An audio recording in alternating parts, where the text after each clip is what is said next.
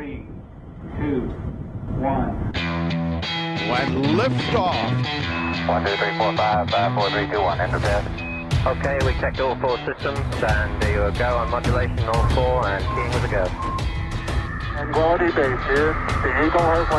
Striskjorte og havrelefse, det pleide mora mi å si at det var liksom sånn Så det forbinder jeg med kjipe ting. Hvis noen prøver å gi meg en striskjorte og havrelefse, så tenker jeg at eh, hva er du for slags monster? Men nå er vi altså tilbake igjen etter sommerferien. Eh, Deilig å se deg igjen, nybarbert og, og Nyklipt. Det er du også. Jeg er det, vet du, fordi at eh, For du er jo hår, du. jeg har, jeg har hår, og, og jeg har jo da altså hatt min første foredragsjobb på halvannet år. Ja. Og vi foredragsholdere, vi er pent kledd og kortklipte. Det er så, så jeg holdt på å si, tro det eller ei, men jeg lever litt av utseendet mitt. Det er, dette var kanskje too much information. Men uansett, ja, vi er jo tilbake. Og det, jeg får nesten sånn Vi har nå hatt såpass mye ferdiglagd materiale at det er nesten sånn at hadde det vært video, skulle jeg holdt opp dagens VG for å bevise at det faktisk er virkelig riktig dato. Du, men jeg må si det at det er veldig godt å være her uh, igjen, samlet uh, og klare. Uh, for det jeg må si det. Det, det har vært så mye fine meldinger og greier å få gjennom sommeren. Sommeren har vært så bra for Altså, ja. og, og vi har eh, Vi har på en måte eh, Folk har vippsa oss, tusen takk for det, og, og skrevet eh, hyggelige meldinger og gleder seg til med høstsesongen og kom masse forslag. Det er, og vi, alt er notert. Masse gode tips til hva vi skal gjøre framover.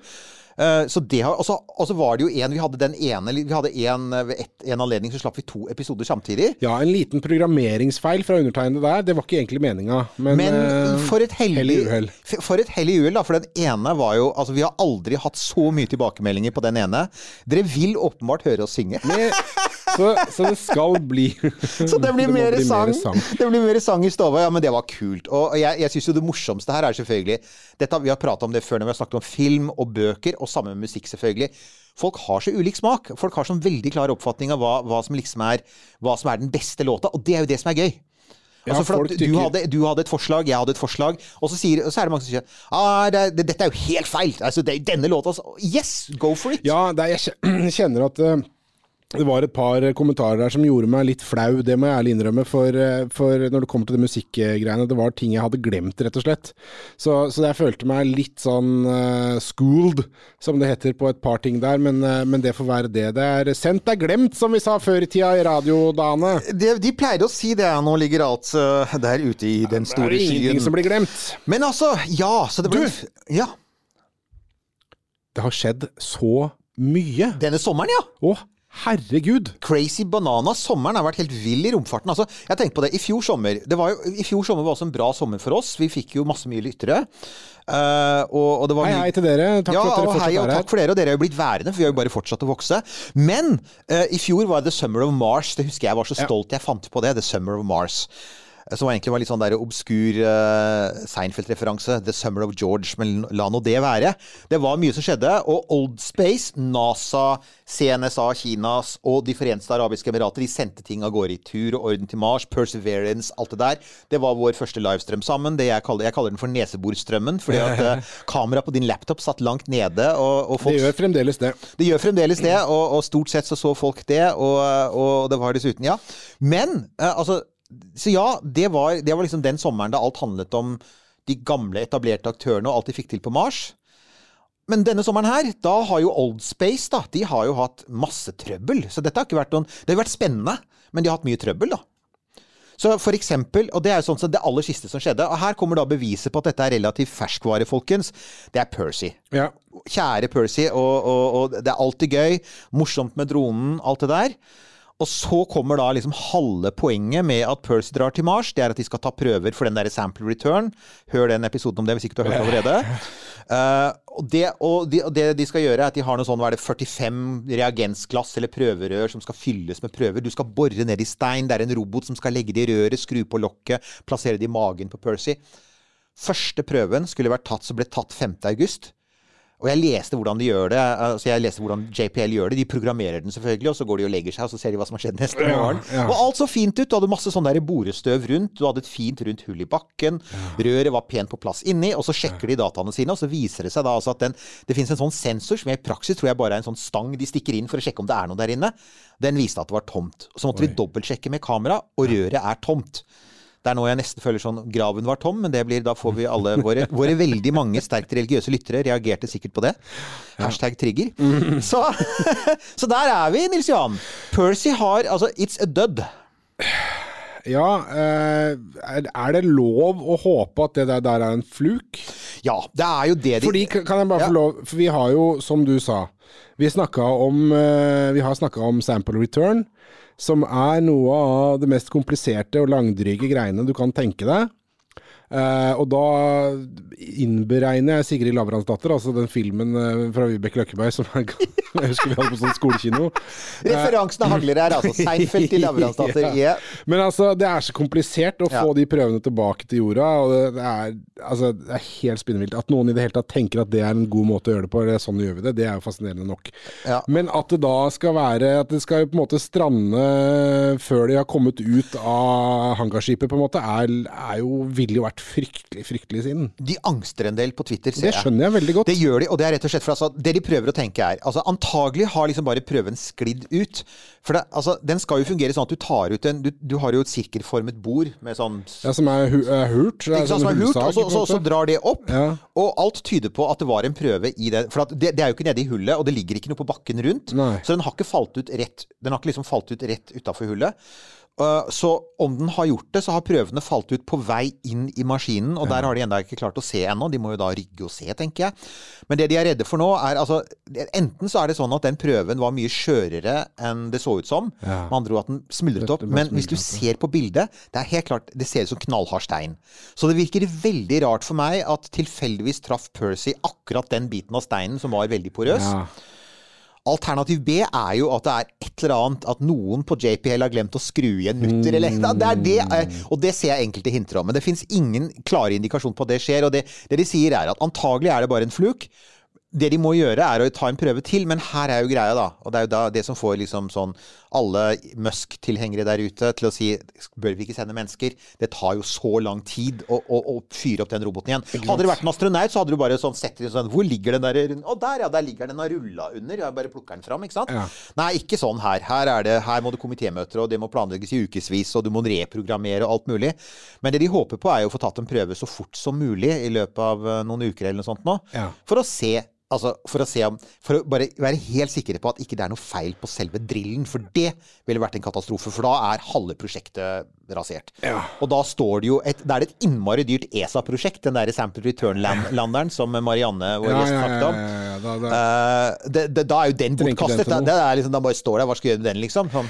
Men da blir det jo enda viktigere at uh, vår venn Svein Erik Hamran og hans team får noe fornuftig ut av dataene fra Rimfax. For det er den andre halvdelen av prosjektet. er nettopp Det ikke sant? Det er nettopp bildene som tas, det er analysene som gjøres med laseren, og det er rimfax. Og ja, folkens, eh, nå er, nå er det på tide. Nå har Perseverance fått lov til å kjøre det et stykke. Nå veit vi at det er samlet inn en del data. Ikke, det har ikke kommet ut så veldig mye i mediene om det, så det vi skal gjøre, er å ta kontakt med, med Hamran. For han, eh, det var jo så gøy i fjor.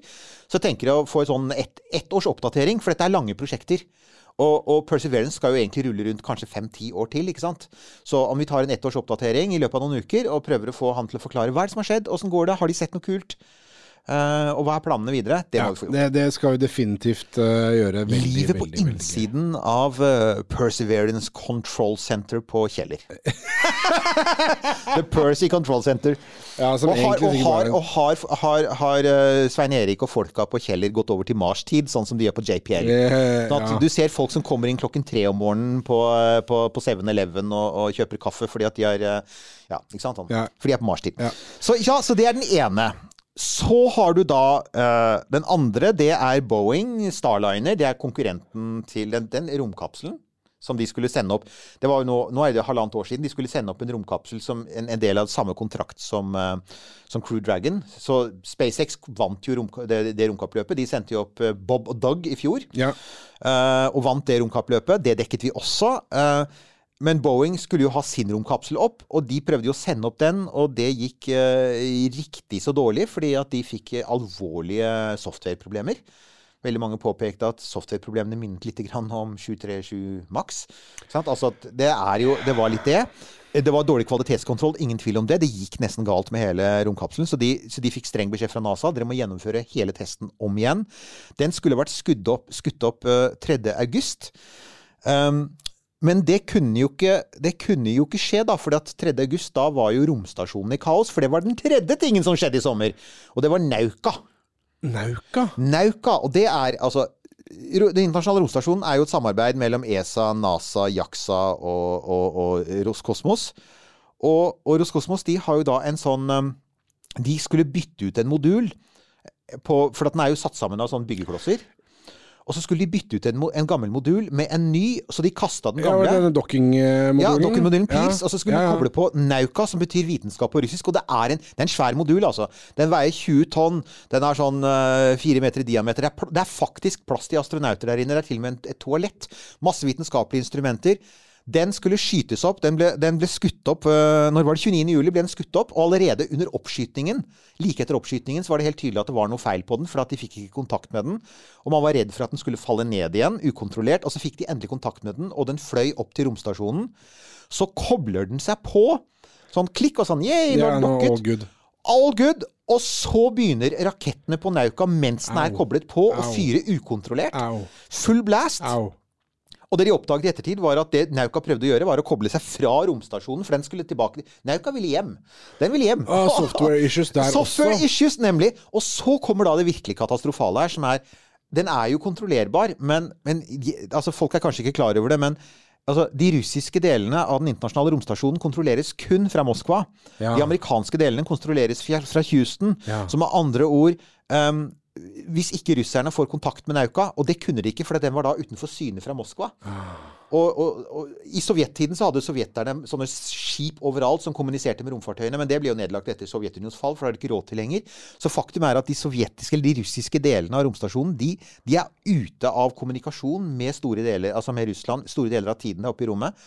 Og For en bedriten planlegging, da. Ja da, det, begynner, det er et langt ord på amerikansk som begynner på C og slutter på K. Det er helt horribelt. Det går bare ikke an. Nå kan dere gjette i kommentarfeltet hva jeg sa. men, men ja, det går jo ikke an. Eh, og, og, og, og, det verste av alt var Så begynte hele romstasjonen å vri seg. Først sa NASA ja, den vred seg 45 grader, som ikke er så mye. Det er liksom litt grann sånn. Nei, nei, den vrei seg halvannen gang, og det gikk ganske fort. Ja. Eh, den eneste grunnen til at det, det, stoppet, var nummer én Nauka slapp opp for brennstoff. De greide jo ikke å stoppe den fra å fyre. Så den, den brant seg ut. ja. Og heldigvis så finnes det systemer andre Det finnes jo andre, annet en, en, en litt sånn Soyuzer og sånn, som har raketter som de, de kunne bruke til å stoppe rotasjonen. Ja, for jeg tenker, det vil, vil ikke det sette romstasjonen i spill? Jo, ikke sant? Og da stopper den jo ikke. For det er ikke, Nei, hvis ikke du har en rakett som går i motsatt retning. Det hadde de heldigvis. Så i løpet av den, liksom de neste timene så klarte de å stoppe rotasjonen. Nå er den stabil igjen. Det store spørsmålet nå, det er selvfølgelig Altså, Romstasjonen er jo kjempesvær og skjør, og alt er koblet sammen via disse dockingstasjonene. Ja, ja. Og hvis du begynner å få vridning Ja. og, og strekk i, i disse lange stagene, da Hvordan har det gått med solcellepanelene? Er alle, er alle disse dockingportene som også skal være lufttette, er alt lufttett? De- Det ser bra ut, men du må gjennom en svær etterkontroll. Men de måtte ikke ha Aksel Hennie som blanda noe sukker og noe greier i en termos og ikke sprengte Altså, det, en eh, det var borderline Aksel Hennie i The Martian. Det var det, altså. Ja. Og, men så er det jo da også, som en av våre lyttere, og takk for tipset forresten, han sendte oss en um, lenke til en artikkel av en, amerika, en amerikansk journalist som heter James Oberg. James Oberg er sånn, han, har skrevet om, han har skrevet om verdensrommet i 40 år. Han, når, så når han sier noe om NASA, så pleier folk å lytte, og han er innmari bekymra. For han sa noe av det mest skumle her, det er den litt sånn lemfeldige måten som NASA behandlet det på. Først så så, så skødda de på, på tallet. Mer eller mindre juksa. De sa 45 grader, det var ikke det. Det var sånn 580 grader, altså halvannen gang. Ja. Eh, for det andre så var de veldig nøye på å si ingenting. Det var aldri noen fare. Og som han sier, når et, en stor modul på noe sånt som romstasjonen fyrer ukontrollert Litt sånn som eh, Kina hadde full kontroll på greiene sine. ikke sant? De, de, de hadde ikke kontroll, og, og hvorfor si at du har full kontroll når ikke du har det? Så det han, det han begynner å si, er det han er redd for, for at dette har vi sett skje to ganger før under Challenger og under Columbia, og det er at NASA begynner å, å bli, de begynner å bli litt sånn slappe. Ja. Så han er, han er redd for at du nå har begynt å få en glidning i sikkerhetskulturen igjen, som har skjedd flere ganger før i den Ja, organisasjonen. fordi de føler presset fra, Ja. fra noen uh, Asperger-herrer eh, med elbil. Ja, og- ikke sant? Det er akkurat det. det. Uten tvil. Ja. Nei, så, så, uh, så da er jo saken at, at det, Men dette påvirket jo da Boeing Starliner, for at de skulle opp dit den 3. august. Eh, Det funka jo ikke, for at romstasjonen var fremdeles ikke helt trygg. Eh, Så skulle de prøve eh, men da de skulle prøve igjen, da, var det vel skal vi se, det var den tredje de skulle opp på ny. Og det var, da, da hadde de måttet avlyse den første oppskytingen, og så skulle de opp den tredje. Men da, kunne, da kom det ikke seg av plattformen engang. Og nok en gang så er folk litt oppgitt over kommunikasjonen her. For at det Boeing sa, var ja, de hadde fått en feilindikasjon på noen ventiler på rakettene eh, som tydet på at eh, det kunne være et problem med, å, med å, å komme seg opp i rommet. Og så, sa- så sa de det har vært mye tordenvær i nærheten. Dette er Florida, så det er jo torden halvparten av tiden. Eh, det er mye tordenvær i nærheten. Det kunne kanskje ha vært et nærliggende lynnedslag. Og da var det faktisk igjen, da var det faktisk var det NASA som sa men unnskyld, det er ingenting som tyder på at det var noe lyn i nærheten. Og dessuten, det var jo ikke på selve bæreraketten. Det var faktisk Starliner. Starliner 13 av rakettene om bord i Starliner har ventiler som ikke vil åpne og lukke seg normalt. Og ingen vet hvorfor. Og det, er super, altså det betyr at den ikke kan styres i rommet, for du trenger jo disse rakettdysene. Så da er vi der en gang igjen, da, med Boeing. Med, så igjen, velkommen til dere alle som har lyst til å fly Boeing i sommer. Boeing har kjempeproblemer.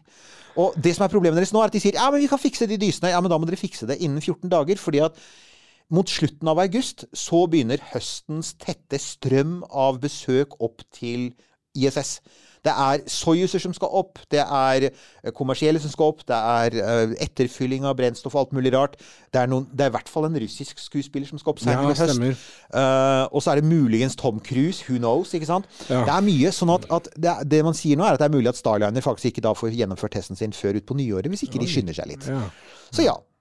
Ja, så er det å skulle fikse sånne ting når man skal skynde seg, da. Hastverk og lastverk og det greiene der. Ja, og det er det også, ikke sant? Og, og, og det, er jo helt klart, det ligger jo et tidspress nå eh, der oppe. Altså, på en måte kan man si at Den gode nyheten er selvfølgelig at det er jo litt kult at det er tidspress i rommet også, for det betyr at det er masse For det kan vi si denne sommeren. Det har vært heftig trafikk i rommet. da. Du nevnte det jo, du, disse milliardærene. Ja, ja for det, det er jo Det er på en måte neste punkt på lista her nå. Fordi det, det har jo Det har jo blitt en, eh, en eh, Et fenomen, skal man kalle det det. Milliardærene og deres penisforlengere. Noen ser mer ut som eh, sexleketøy enn andre, selvfølgelig. Altså, Du kommer jo ikke forbi det med New Shepherd. Da. Nei, herregud, Altså, er det mulig?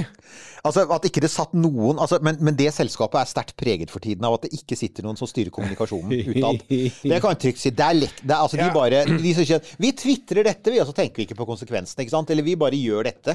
Jeg, det er litt sånn, ok, eh, jeg ser det at eh, ting som skal til verdensrommet nok har en praktisk design. Det er en Ja. grunn til at det er sånn. Men at det ikke Altså, det, jeg føler jo her at det er en viss grad av keiserens nye klær. For det, det kunne gått an, kanskje. Altså, jeg er ikke noen industridesigner, ei, ei heller noen uh, space aeronautics-designer.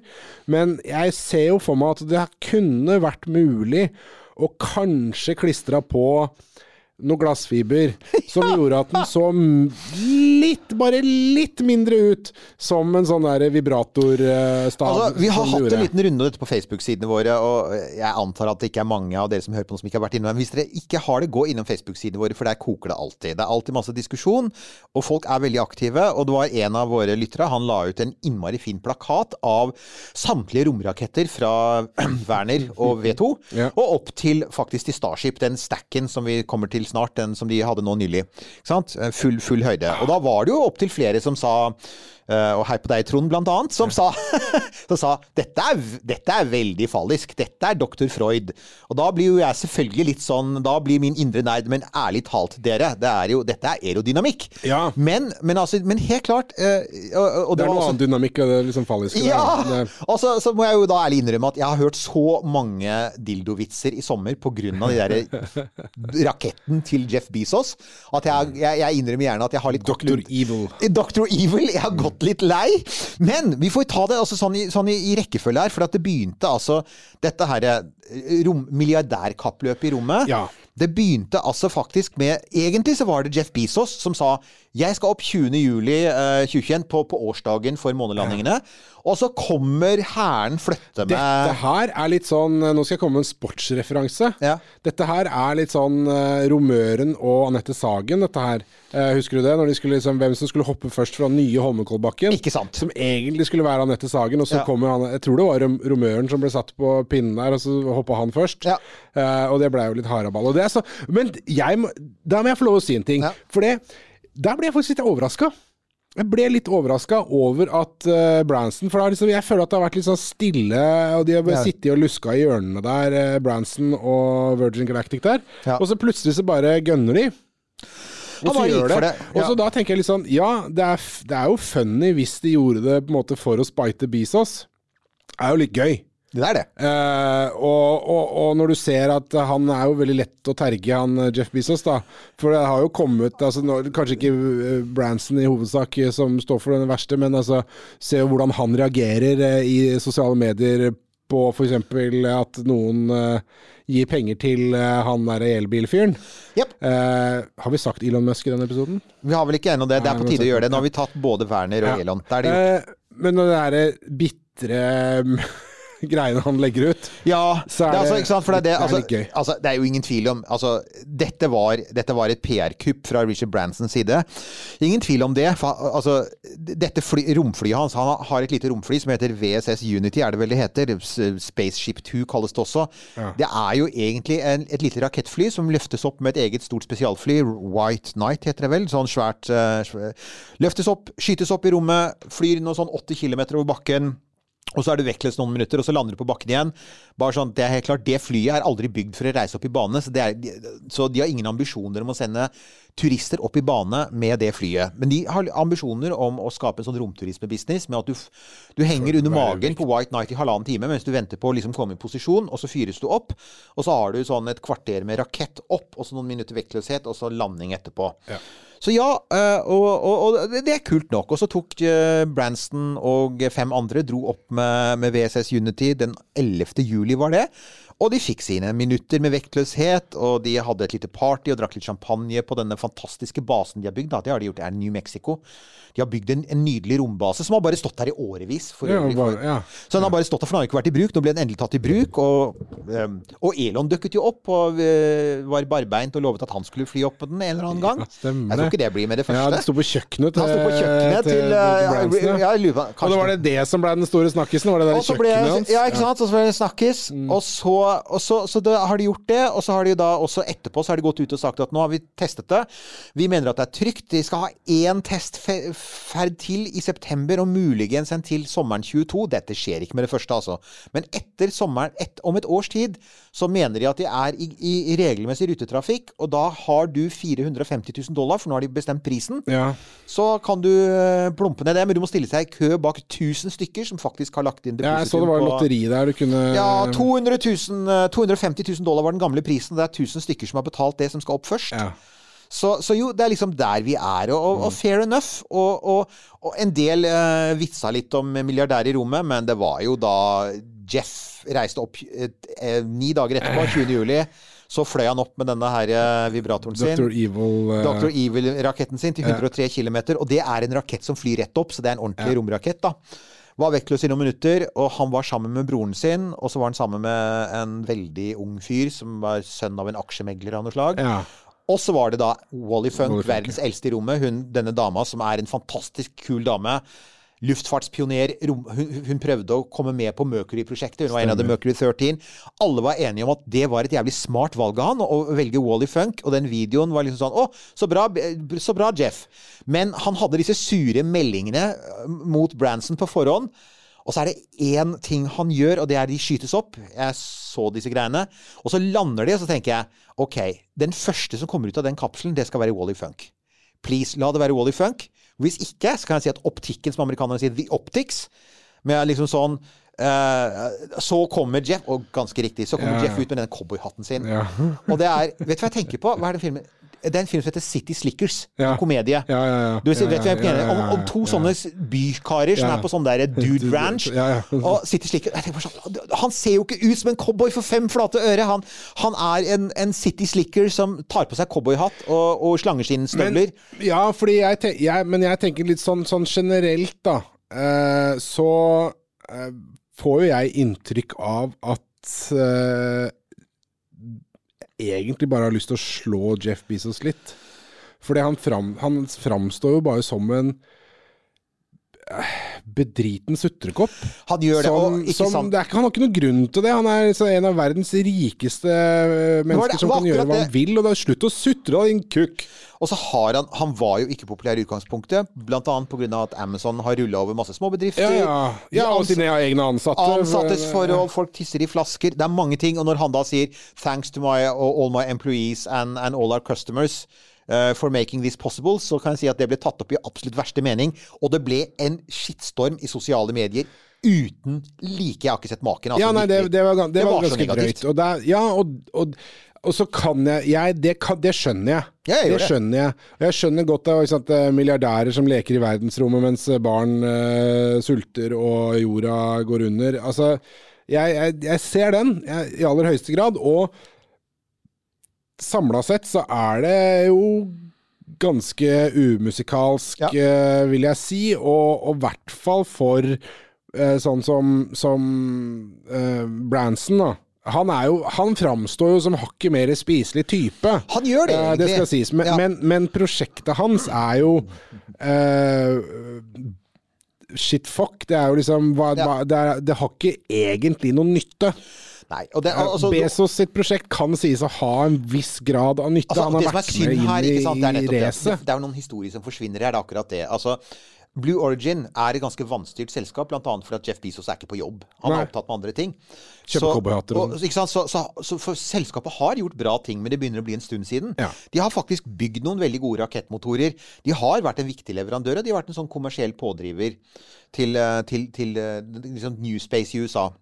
Og så har det begynt å gå dårlig for dem. Og så er det ingen tvil om at han har forsøkt å gjøre noe litt dramatisk denne sommeren. fordi han, Der har han forsøkt å kopiere Elon Musk, for han har alltid visst åssen du skulle gjøre det. Han har alltid hatt disse dramatiske stuntene. Altså, I 2008 så tok jo Elon Musk, før han hadde skutt på den eneste rakett, så tok han en mockup av sin første rakett, Falcon 1, og plasserte den på en trailer og kjørte den nedover, uh, kjørte den nedover uh, forbi uh, altså i sentrum av Washington DC og stoppet foran Air and Space Museum og holdt et sånt stuntforedrag. Vakte enorm ikke sant? Dette er Elon. Så han forsøkte seg på å gjøre en Elon. Det er bare at han, han er ikke Elon, og han har ikke Elons troverdighet. Helt klart. Og så er det Altså, ja, som du sier, det er um, umusikalsk. Og det som er synd med det, da, det er noen som, som sier det er en historie Så det er disse historiene som blir borte. Eh, for eksempel den om Og det, der prøv, det prøvde jo Elon Musk å rette opp i. Han sier vær klar over hvor viktig romfart er. Det er veldig synd at så mange hater på rommet nå. Ja. Han sa ikke det er så veldig mange det er, ikke, det er ikke synd at så mange hater på Jeff. Han sa ikke det. Han sa men det er synd at så mange hater rommet. Ja. Og det er sant, for at det ble litt sånn. Og det ble også Ja, ja, litt sånn. Så jeg dukket innom norske Twitter, og ganske riktig. Der var det sånn Hvorfor bruker vi alle disse milliardene i rommet? Vi kunne løse fattigdomsproblemer i verden. Og bare som sagt, dere som hører på dette, hvis dere trenger et lite argument til folk som sier sånn, så bare minner vi om at, at alle land som har gjort noe for altså Det landet som har forsøkt å gjøre mest for å løse fattigdomsproblemet i verden, er faktisk Kina.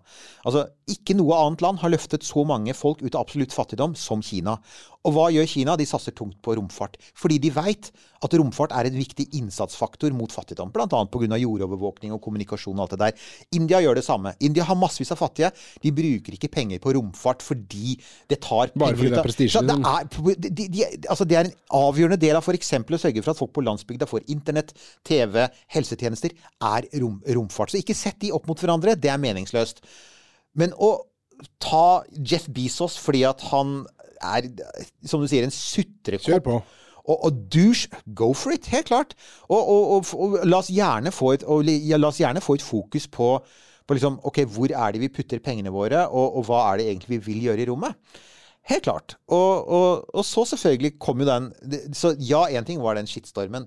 Så kom jo da det bitreste av alt. Samme dag som Jeff Bezos flyr opp i dildoen sin, så går Federal Aviation, Aviation Authority, FAA, som er de som bestemmer hva det er å være astronaut i USA. Vi hadde jo en egen sending om det òg. Hva er det? Og bare, så, så vi må nå ha en oppdatering, for nå har de kommet med nye krav, de. Og de kom denne sommeren. Eh, og det var eh, det, det kan ikke ha vært tilfeldig valgt. For at, altså, det finnes, for å klargjøre det, det finnes tre slags astronaut wings, altså sånn som du kan få og faktisk gå med. Det er NASA sin astronaut wings, og NASA har sitt eget krav. Det kan dere høre om i vår sending til å bli eh, NASA-astronaut. Så finnes det militære vinger. Og, og de deles ut til militære som, som flyr over en viss høyde, og er en del av, som, har, som er i det militære. Og så har du noe som heter Commercial Wings Astronaut. Det er et eget program. Og, og, og der har det vært noen krav, og de kravene er nå endret. Høydegrensa, så vi kan legge den død i forhold til USA, er 80 km. Så den kan vi legge død, for at det har vært litt sånn krangling også i vårt kommentarfelt på det. Sånn, ja, men det er 100, nei, det er 80. Vel, altså, det kan du si, men nå har amerikanske myndigheter har sagt 80. Ja, ok. Ja. Og det er, det, er, det er lufttomt. Så for meg er det helt fair. Altså, jeg synes 100 eller 80, who cares? Det er liksom sånn Det er jo ikke der satellittene går uansett. De går minst 150. Eh, så det, det kravet har alle. Alle de som fløy, både de seks som fløy med Branson, og de fire som fløy med Bezos. Alle de fyller det kravet, men så var det 'demonstrated activities during flight that were essential to public safety or contributed to human spaceflight safety'. Med andre ord, du må, du, du må altså ha gjort ting underveis som bidrar til at ferden var trygg. U, Altså Egentlig så er det De eneste to som ser ut til å, å fylle kravene til å være astronauter, er de to pilotene Ja, på, VCS Unity. på- ja. Je Bransons, fordi at, for at Det er ikke alle som er klar over det, men, men Jeff Bezos' rakett er helautomatisk. Det er faktisk ingen piloter. Så, så Men det, så det er, I Bezos eh, sin, mm. på toppen av dildoen hans, når eh, han sitter oppi der og vibrerer og koser seg og, Ja, og gleder seg til han skal ned og brenne dollarsedler bare for å fyre opp en feit sigar, så er det ingenting han, han Det gjør ingenting. Nei, altså, altså, altså Han kan sitte Hadde der noe og med kompetanse altså, han er sitter der og, eh, sitter og altså, han, han har full tid. For det er ingen piloter. Det er bare å sitte rolig og vente og drømme om å komme ned igjen og klubbe selunger. Ja. Og, og ellers så er liksom sånn Det, er, det går det, det er, og, og det er jo altså, Jeg skjønner jo noe av poenget med det, som er masse til, altså, All masse oppi rommet er kostbart. Det er klart Hvis du kan ta ut to piloter, så er det fint. Og ikke minst altså, Jeff Bezos' ferd er Altså På den ene siden så går den høyere, på den andre siden så er det den enkleste av dem alle, for det er bare rett opp og rett ned. Det er ikke noe komplisert i det. Uh, Bransons romfly er faktisk en ganske komplisert mekanisme. Den har vinger, og den har styreflater og alt mulig. Ja. Så der vil du ha piloter. Men hvis du bare skal skyte en rakett rett opp og rett ned, så er det veldig lite som kan gå galt, egentlig. Og derfor så har du automatisert det. Jeg kjenner at jeg hadde følt meg mer komfortabel hvis jeg hadde reist sammen med noen med et snev av kompetanse. Ja, jeg og, tenker det den, samme. og når den med mest kompetanse på en flight er en eh, over 80 år gammel dame, Nemlig. så Ja, er jeg usikker på om jeg har tenkt at dette er et selskap jeg har lyst til å være i. ja, jeg tenker noe av det samme. Wally Funk er sikkert kjempespennende, men jeg tror nok kanskje, og det er utelukkende pga. hennes høye alder, at hun ikke er så dynamisk i en krisesituasjon. Det var jo en morsom ting der, apropos dynamisk. Hun hadde én ting hun klaget over. Hun elsket jo selvfølgelig. Hun kom jo i rommet, som hun alltid har drømt om. Og det var at hun, det var ikke så mye plass til å slå salt og mortale, for at romstasjonen har plass til det. Der har du plass til å svømme og stupe og stupe kråke og alt mulig. Men, men den kapselen er ganske liten. Den er, den er større enn uh, Crew Dragon. Den er større enn en typisk romkapsel. Men det er tross alt fire mennesker om bord, så en ting de har oppdaget allerede, er at egentlig er fire mennesker litt for mange. Med andre ord, hvis du skal ha god plass til folk, så må du kanskje ned til tre eller to, hvilket betyr at disse, disse ferdene blir enda mye dyrere. Og de har ikke engang sagt hva disse ferdene kommer til å koste. En av lytterne våre han var litt bekymra for dette her, og det var dette med Men hvis du får veldig mye romturisme, kan ikke det bli en skade for den øvre atmosfæren? Og det er jo en, altså, altså det, det kan man skjønne. Altså at masse unødvendige romferder som ikke fører til noe der oppe, det kunne vært det. Jeg er ikke så bekymra for det, for jeg begynner å lure veldig etter, etter i sommer. Så lurer jeg veldig på den forretningsmodellen. Jeg lurer på om det egentlig er så mye penger å hente der. Fordi igjen, vi har disse ferdene. Det er ganske trangt. De er innmari dyre. Eh, De, de lovet seks minutters vektløshet. Det virker som de fikk betydelig mindre. Det virker som de fikk fire eller fem, kanskje enda mindre. Og du sitter jo fastspent inntil du er i vektløshet, så du mister tid i begge ender, liksom. Du må jo også komme deg trygt ned før du begynner å få vekten tilbake. Så, så, så Du betaler mye mindre for altså Du ser for deg at du skal være der oppe i Vekleset lenge. Nei, det du betaler for, er først og fremst en fantastisk utsikt. Det får du.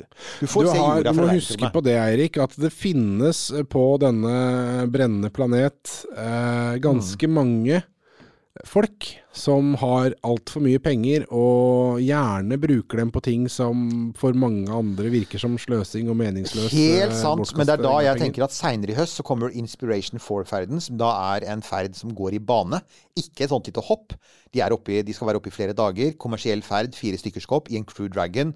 Og Elon Musk har vært usedvanlig flink til ikke å egentlig han, han har stort sett tatt disse tingene fra Jeff Bezos uten å kommentere dem. Han har bare latt dem For han ser jo at det, det gjør Altså, det er Jeff Bezos som dummer seg ut her. Ja, ja. Og for øvrig, alle sier det, det må jeg bare si. Alle sier at dette kommer fra sjefen. For at ingen kommunikasjonsansvarlig med noe som helst slags kompetanse, ikke et eneste reklamemenneske eller kommunikasjonsbyrå ville sagt ja, gå ut og komme med sånn spydige, snide kommentarer. Eh, ja, ta, vet du hva, eh, Jeff, gå ut med den cowboyhatten din og dytt hun gamle dama til side. Litt sånn, Nei, du, jeg skal ut først. Gjør det du, Jeff. Det vil jo ikke sant. Det er sånn.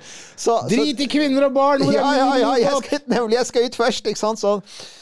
Eh, så helt klart, uh, dette kommer fra toppen, og, og, og derfor så har på en måte Elon Musk, og for så vidt også Branson, bare kunnet lene seg tilbake og bare slappe av, fordi at han, han, han, eh, det, hva man sier, han henger seg med sitt eget reip. Han får bare gjøre det. Uh, men det andre er selvfølgelig, og det er denne sommeren har også Det har vært vilt mye aktivitet i Boca Chica. Det har det. 1202. Åh, jeg vet du hva, jeg, må, Det har det. eh, jeg så eh, her om dagen eh, Vi var inne og switcha, kikka lite grann på Everyday Astronauts eh, og den Elon Ja, intervjuet vi har lagt ut lenker i på Facebook-sida vår, de Ja, der jeg, intervjuene. jeg har ikke sett det hele enda Jeg har små unger. Eh, så jeg har ikke tid til det. Men, men jeg så bildet her nå når de drev og stacka. Det er nydelig. Eh, og, og det er litt sånn jeg har, jeg har ved flere anledninger prøvd å vri huet mitt rundt størrelsen på det. For at når du bare sier x antall meter, så er det sånn ja, ok, men jeg klarer ikke å se det for meg. Nei. Men det var et eller annet når jeg så den derre hang, og så sitter liksom de kæra på kanten der. Ja. Når de driver og heiser på plass Ja, ja, eh, den øverste er Starship-delen der. Ja. Så sinnssyke dimensjoner. Det er det, og derfor så er det verdt å se, om ikke du rekker å se hele videoen, eller dere som hører på, se f.eks. starten og slutten. eh, Starten på den første og slutten på den siste, for at det er mye sånn byggeplass. Vi har snakket, du har snakket en del om det hard hat-greiene. Ja, ja, ja. men. Det, det blir så innmari tydelig. Det er helt sant. Det er, dette er ingeniør, dette er som brobygging og tunnelbygging. Det er massevis av arbeidere som går omkring, og det er Altså, de har verdens høyeste heisekran, f.eks. Ja. De har noen av verdens største sånn lifter, ikke sant? Fordi alt veier supermye.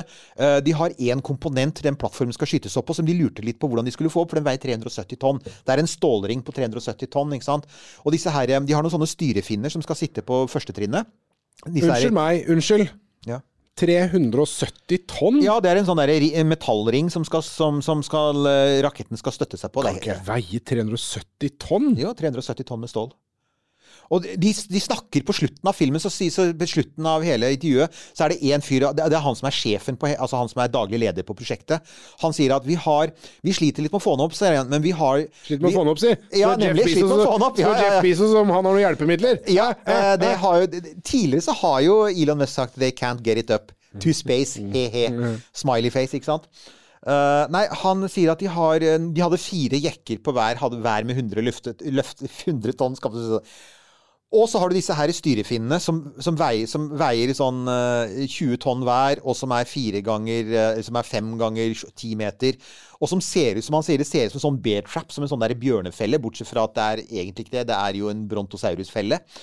Så i det hele tatt, alt er gigantisk. Alt er innmari bråkete. Eh, Elon Musk er utrolig sliten. Han, har, han sier selv han, hadde hatt, han har veldig ryggproblemer for tida. Han sover ikke godt fordi han sover i et lite hus på siten. Han, han bor i et hus til 50 000 dollar. Han bor i en brakke i praksis. Uh, han er på stedet. Det sier jo alle også, at han er imot altså den, Det alle sier nå, er at den store forskjellen på Jeff Bezos og på Elon Musk er selvfølgelig at Elon Musk er på jobb. Ja. Han er på jobb hver dag. Han jobber enten med elbiler eller med raketter, og han, han jobber som et dyr. Jeff Bezos har hatt god tid til blant Han har bygget seg en luksusyacht. Han har tid til å skille seg. Han reiser rundt. Han, han, altså, han jobber hardt for Amazon, ingen tvil om det, men han har også vært en mye mer normal direktør. Hvilket vil si at han, han har hatt en del fritid. Og han ser ikke ut som et slakt som Elon Musk gjør. Han, ja, han er helt utslitt. Eh, og, og er, så, så, men, men altså, poenget er at det gir jo resultater. Så, jo, så hva skjedde i sommer? Jo, førstetrinnet, BN4, uh, det, er, det har de da De montert opp det. Uh, de festa på 29 motorer over natta, selv om ikke de egentlig kobla til alle ledningene. For det hadde de ikke rukket, men de, første de har festa dem på, så de ser at de passer. De har dekket det øverste trinnet, Starship, uh, selve Starship-greia, har de nå stort sett dekket med varmebeskyttende fliser, så det er nesten klart. De har festa på motorene. De har satt de to oppå hverandre, det der du så. Ja, ja. Og ikke minst har de fått fram De har, de har bygd ferdig det som eh, Musk kaller for Stage Zero, som er altså oppskytingstårnet. Som også er gigantisk. Det er jo over 100 Og som meter visstnok var noe av det mest kompliserte de bygde. Ja, det det vilt. var Og så har de begynt på det som er det sykeste, og dette har vi ikke snakket om før i denne podkasten. Men altså, en av de tingene Og det, jeg lurer på om ikke det kom fra en kommentator på Twitter òg. Ja, men Elon, når du skal lande dette store førstetrinnet, er ikke det utrolig styrete å først lande det, og så frakte det, og så sette det opp igjen, og så tanke det opp? Burde du ikke kunne lande det førstetrinnet på selve oppskytingsplattformen? Jo, sier da Elon Musk, det er en god plan. Og så sier jeg, men hvordan kan vi få til det? Jo, hvis du har to svære, gigantiske armer som fanger det trinnet og liksom Ja. styrer det på plass. Han kaller det for Mekazilla-armene. Ja. De ligger allerede klare. De er der, altså de skal ikke begynne å bruke dem ennå, men de er allerede sveisa. Og Mekazilla-armene er liksom sånn Ja, de er som et, halv, de er som et halvt kvartal. Ikke sant? Det er sånn, ja, det er 250 tonn med stål, det som da skal Sånn settes opp. hydraulikk og Så er med hydraulikk og alt mulig. Å, himmel.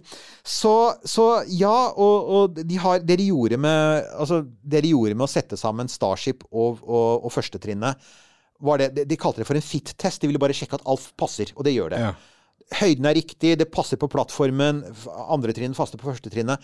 Men det andre momentet der var, og det sier alle, det var også et politisk signal. Fordi hovedhindringen nå for å få denne saken opp i rommet i høst, det er eh, FAA igjen, de som bestemmer hva som skjer i luftrommet i USA. De har tidligere vært i tottene på hverandre. Eh, Det skal gjøres en miljøvurdering på Boca Chica før de skal skyte opp denne. Og det er ikke så rart. For den, vi snakker om en rakett som er dobbelt så kraftig som Saturn 5. Ja. Det er den største by far. Det aldri vært sendt opp noe så stort. Det er en eksperimentrakett. Den kan eksplodere på plattformen. Det er faktisk en ganske stor sannsynlighet Ja, ja. for at den går inn. Eller rett over. At ord, at du har det som i praksis er altså, Som da alle påpeker, det er ikke en bombe. For at, først og fremst er det som en ildkule. For det er jo ikke et veldig hardt skall rundt. Så det er først og fremst bare veldig mye drivstoff som vil lage sånn. Men allikevel, det kan gjøre skade. Ja, utvilsomt. Og masse drivstoff overalt, selvfølgelig. Metan over hele Boca Chica. Det må gjøres noe med det. Men det, men det tar tid, da. Så først skal dette evalueres, og så er det en måneds høringsfrist. Og hvis det kommer protester, så kan det bli nye. Og det er derfor folk sier at dette kan fort gå ut på nyåret før de i hele tatt får lov til å skyte opp. Ja. Men det føler jeg Jeg føler på en måte at det er verdt å vente på, da. Jeg tenker også det, men Elon har ikke tid. ikke sant? Så han, det han sier da er så han, han har ikke sagt det. det han sier, eh, men, det, men altså det bildet av den raketten, det sier veldig tydelig til amerikanske myndigheter. Du, NASA har allerede betalt eh, har, Skal nå gi 3 milliarder dollar for at denne skal fly til månen. Ja. Den er klar til å testes. Ja, Men, det er, men på, grunn av, på grunn av sandpåstrøer i byråkratiet så skjer det, ikke sant? ja. Så det vi kan regne med i høst, da, det er at vi kommer til å se mye tester i Boca Chica, og vi kommer til å se den stackes flere ganger. Ja. Og antagelig stå der noen dager bare for å si sånn Du, vi er klare. Det er opp til dere. Ja. De sitter der og tripper og venter og Ja. Så, så, det, så det det, Så ja, altså Hadde det vært Musk sa jo at han ville ha den opp i rommet i sommer. Det var selvfølgelig altfor optimistisk. Men hvis de hadde hatt tillatelse til å fly nå, så begynner jeg å lure på Jeg tror i hvert fall de hadde greid det i løpet av september. Det, tror jeg, for så nære er de. Da, altså det, de, da hadde de, da hadde de gønna på. For nå er det ikke som han sier, det er ikke noe annet de skal gjøre nå. For at de, det lærer du, det blir veldig tydelig i det intervjuet. De gjør alt i rekkefølge i Boca Chica nå. Så nei, altså ja, de skal fylle opp tanker i verdensrommet, og de skal bygge et måneskip. Men han sier det gjør vi ikke noe med nå. Det er ikke noe vits i, for nå må vi få den opp i rommet først. Nå må vi først se, vi må finne ut om dette funker. Og vi har ikke ressurser til å gjøre alt på en gang, sånn som NASA faktisk kan gjøre. De kan liksom bygge raketten, bygge roveren, eh, bygge et svært forskningssenter. Disse folka her de har ikke penger eller tid til det, så de tar én ting av gangen. Så nå er det først og fremst få den opp i rommet. Og, og, det er så hastverk med det at hvis de hadde hatt tillatelse, så tror jeg faktisk de hadde gjort det i løpet av september. Men nå tror jeg også at det blir i hvert fall seinere på høsten. Men når det skjer, da, så skal vi jo dekke det, da.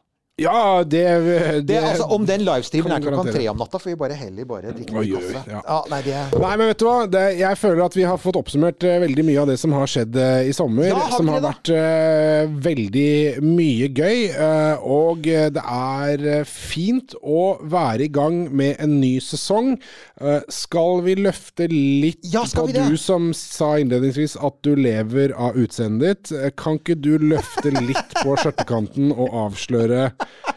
hva du har under Eirik? Ja, nei, altså, for at nå har jo eh, De har jo Vi altså, sa litt om det, Hamran. Ja, ikke sant? For at vi har vi- jo Altså, dette her er jo da en oppsummering av sommeren, og så har vi planer for høsten. Om vi må kidnappe Hamran fra Ja, vi skal det. Skal vi skal ha det. Vi har, vi har altså, Dessverre så somler fremdeles ESA-byråkratiet, men planen er å få en astronaut til på lufta. Hvem det nå blir. Eh, planen er også Vi er i samtaler med en stor norsk eh, spacebedrift som har gjester å levere til oss. Så det blir faktisk prat med flere fra folk fra norsk space. Eh, jeg har, syns egentlig at vi bør få, få til et, en ny prat med folka på Andøya. Uh, når- Høre åssen det går. ja, altså, og kanskje få Odd Roger i studio, for at nå kan Odd Roger reise. Ja. For at sist kunne han ikke det, og da ble det litt sånn, da ble det jo Skype-kvalitet. Men uh, vi kan høre med han, og høre om han neste gang han er i vår, på våre trakter, om vi kan få han i studio, for det hadde vært kult. Det synes jeg. Uh, vi skal helt klart ha våre faste. Definitivt Marianne. Hun har en sak hun gjerne vil prate om. Vi må følge opp James Webb Space Telescope. Det skal skytes opp. Vi må følge opp Inspiration 4. Folkens, dere, dere hører jo på dette her. Vi har masse å snakke om. Er Og så blir det sikkert litt romhistorie, og så er det spørsmål fra lytterne. Så det blir jo ikke noe problem å fylle høstsesongen. Det har aldri vært problemet for oss. Altså, Nei. det er Aldri. sjukt mye altså, Det var jo grunnen til at vi starta denne podkasten in the first place. Var at vi sa det kommer til å skje mye i rommet framover. Uh, ja, you think? Eh, og så er det selvfølgelig Percy. Hva skjer med Percy? Kommer han til å finne Kommer han til å drille ned i bakken eh, og finne noe jord og ta med tilbake? Ikke sant? Eller kommer alle disse prøvene til å dette ut? Eh, dronen, hva skjer med den? Så har vi Venus. Vi driver jo stadig og så er We're heading to Venus. Venus. Ja, okay, der var det. But still we stand tall by popular demand. By popular demand! Der fikk dere det òg. Ok, og så til slutt, vi må ta de sånn de faste tingene med Ja, eh, vi sa det så vidt innledningsvis. Eh, tusen hjertelig takk til alle som har Vipset eh, i løpet av eh, sommeren, det setter vi veldig stor pris eh, på. Det det også betyr Fortsett med det! Ja, fortsett med det hvis dere er greie. Tusen takk for det. Det det også betyr, er at vi har, nå måtte, tatt litt grep. Jeg har fått minsteungen i barnehagen, så jeg har tid til å gjøre ting. Party, party! Ja, nå er det fest hele dagen. I hvert fall fra sånn ni-tida til de skal hentes. Eh, hvorfor lukter pappa så sprittusj? The, the joy of parenthood. Ja. Eh, men eh, det som er greia, er at eh, eh, T-skjorter eh, It's coming. Nå skal vi ta grep, og nå kommer det etter hvert. Eh, vi skal så vidt begynne å kikke på det greiene der. Eh, og som det jo er, så er det sånn skal du ha noe gjort, så må du gjøre det sjæl. Ja. Eh, ikke stol på EU, har vi funnet ut. Så det kommer til å komme T-skjorter med et litt oppdatert design, og også til deg som gjerne vil ha en ny, eller som kanskje ikke har fått den T-skjorta du har betalt for av han der tullingen borte i Irland. Ja. Så skal vi sørge for at det blir gjort riktig. Ja, det er vel helt klart. Vi vil ikke at noen av våre lyttere skal føle at det er blitt snytt. Det er det siste vi ønsker oss. Det er veldig viktig. Og så uh, har vi jo tidligere nevnt, og la oss nevne det en gang til, uh, et alternativt T-skjortedesign som uh, vi skal Oh, yeah. også få i produksjon med vår fantastiske Werner von Braun-T-skjorte. Ja, nei, What altså would Werner do? jeg, jeg, altså, jeg, for å si det sånn, det er ingen som har gjort så mye for formidlingen av denne delen av romhistorien i Norge som eh, vi, tror jeg. Altså, jeg opplevde jo på foredragsjobb i går, og det handlet om noe helt annet. For på, på dagtid så er Fantomet går blant, uh, ute i byen som en helt vanlig mann, for å ta en annen eldgammel referanse. Eh, så det handlet om noe helt annet, men han, da kom det jo en fyr bort til meg og sa han, skal du prate litt om Werner i dag? Eller var det sånn, ok, greit. It's a meme, peoples! Ja. Mm, Ja, det må Nei, men da er vi Da, da sier vi det. Så det, det er, sommeren er offisielt over. Eh, Høsten stunder til. Rakettene rulles ut på plattformene, og, og ting skal skje, og det blir gøy. Og så snugler vi oss opp eh, i sofaen med en stor kopp kamomille-te og trekker et, eh, et varmt, godt mylarpledd rundt oss mens vi sitter og ser eh, på rakettene som skytes til himmels og alt det spennende som skjer Ja. i verdensrommet. Og så håper vi at ved siden av peisen utover høsten, så vil du, kjære lytter, sitte sammen med oss i din mest komfortable pysjamas og høre på eventyr fra onkel Eirik og onkel Nils. Nå ble det, nå ble det veldig koselig her.